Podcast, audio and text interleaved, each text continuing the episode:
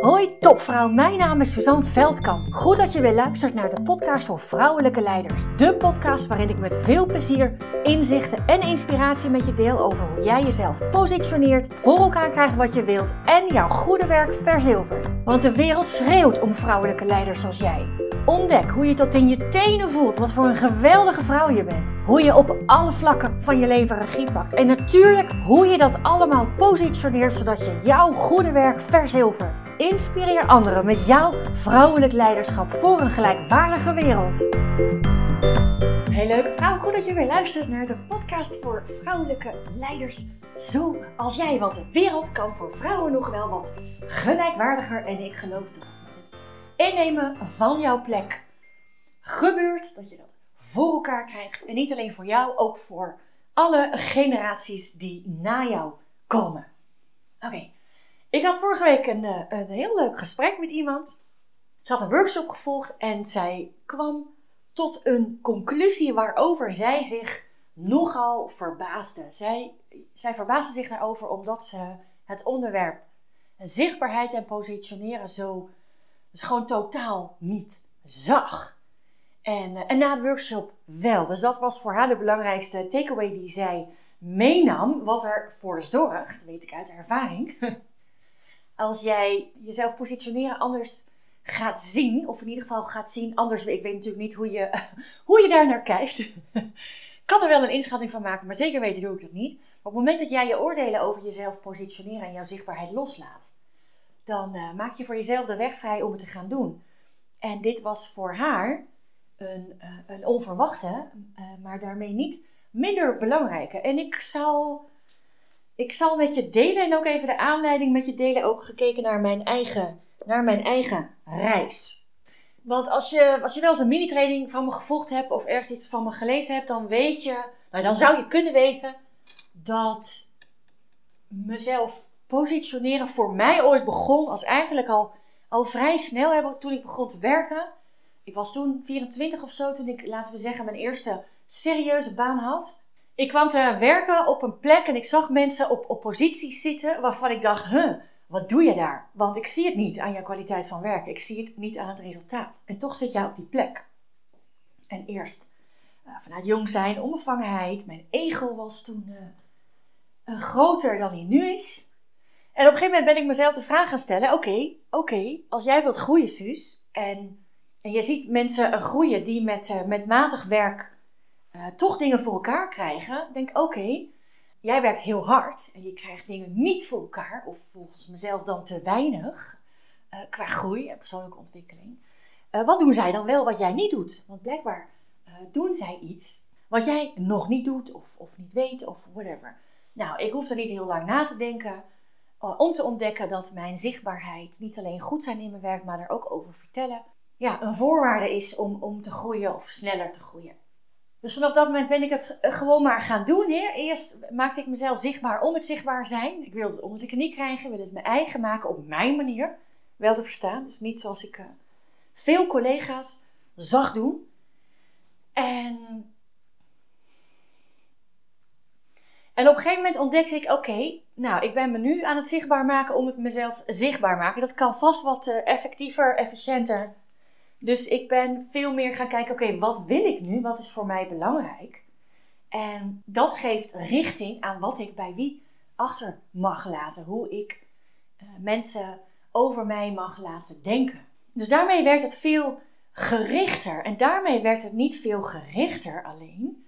Het werd daarmee ook veel persoonlijker soms lijkt het alsof jezelf positioneren, of dat gezien wordt als, weet je, je bent een een of ander bedrijf en je wilt een product de wereld inslingeren en eh, je schreeuwt maar zo hard mogelijk en zoveel mogelijk in herhaling, in de hoop, en je mag dat ook aannemen, dat iemand jou in de eerste plaats onthoudt en ten tweede ook nog in beweging komt en iets gaat doen. Als het gaat over een product, dan gaat het natuurlijk over kopen. Maar uh, dat kan natuurlijk ook over heel veel andere dingen gaan. En dat is natuurlijk niet zo. Ten eerste, jij wilt iets van mensen die invloed kunnen hebben op wat voor jou belangrijk is. En dat kan zijn uh, groeien, volgende stap in je carrière, Dat kan zijn eh, leuke kansen, projecten naar je toe trekken. Dat kan zijn oriënteren. Hè? wat wordt mijn volgende stap? Kan natuurlijk ook gewoon zijn dat je het onder de knie wilt krijgen, maar met een doel werkt het ja, veel gerichter en veel gemakkelijker. En ga je op een gegeven moment ook resultaat halen en daar ga je weer van vliegen. En vliegen geeft jou weer nieuwe energie om jezelf nog meer te laten zien. Ja, jezelf positioneren, dat is, dat is heel persoonlijk.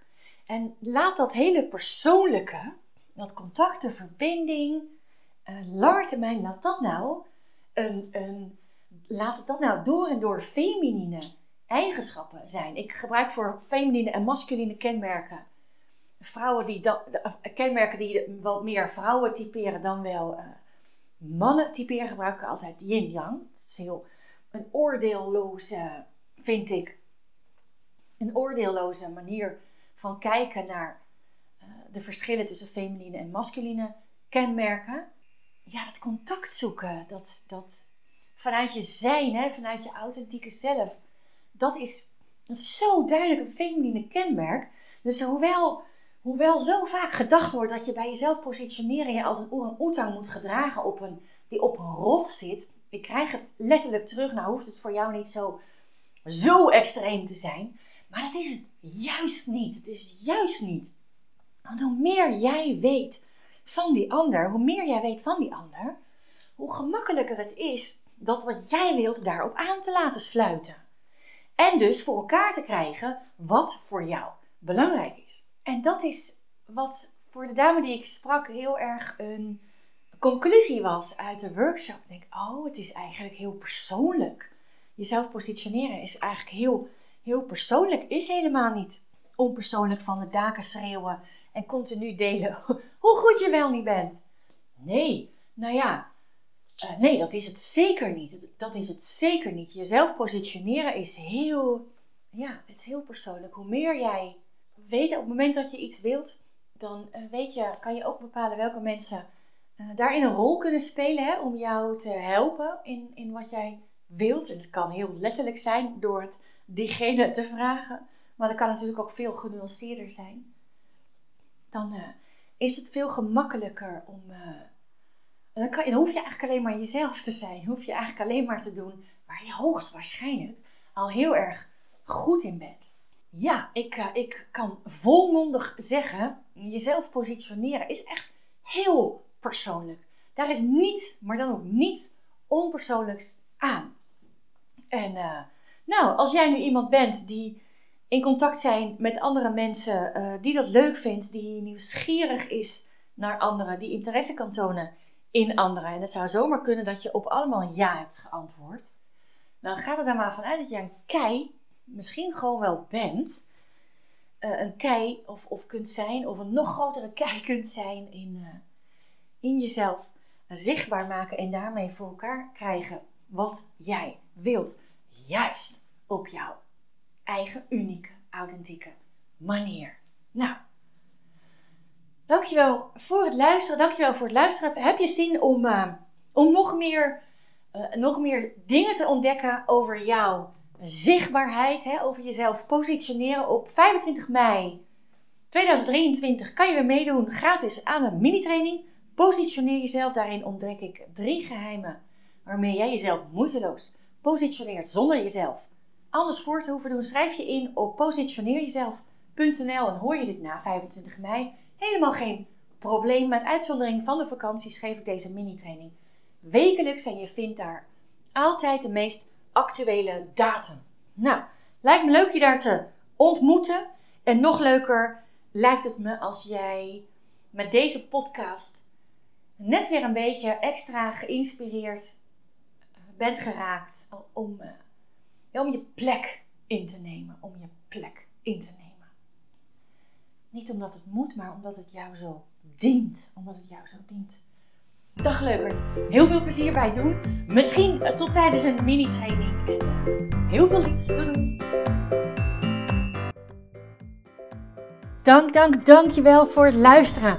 Was deze podcast nu waardevol voor je? Heel goed, dat is precies de bedoeling. Ik zou het geweldig vinden als je iets voor me terug wil doen. Dat kan door deze podcast te delen met een vriendin, in een groepsapp of helemaal geweldig op social media. En gebruik je Spotify? Laat dan weten wat je ervan vond. Dan maken we de wereld samen gelijkwaardiger. Dankjewel!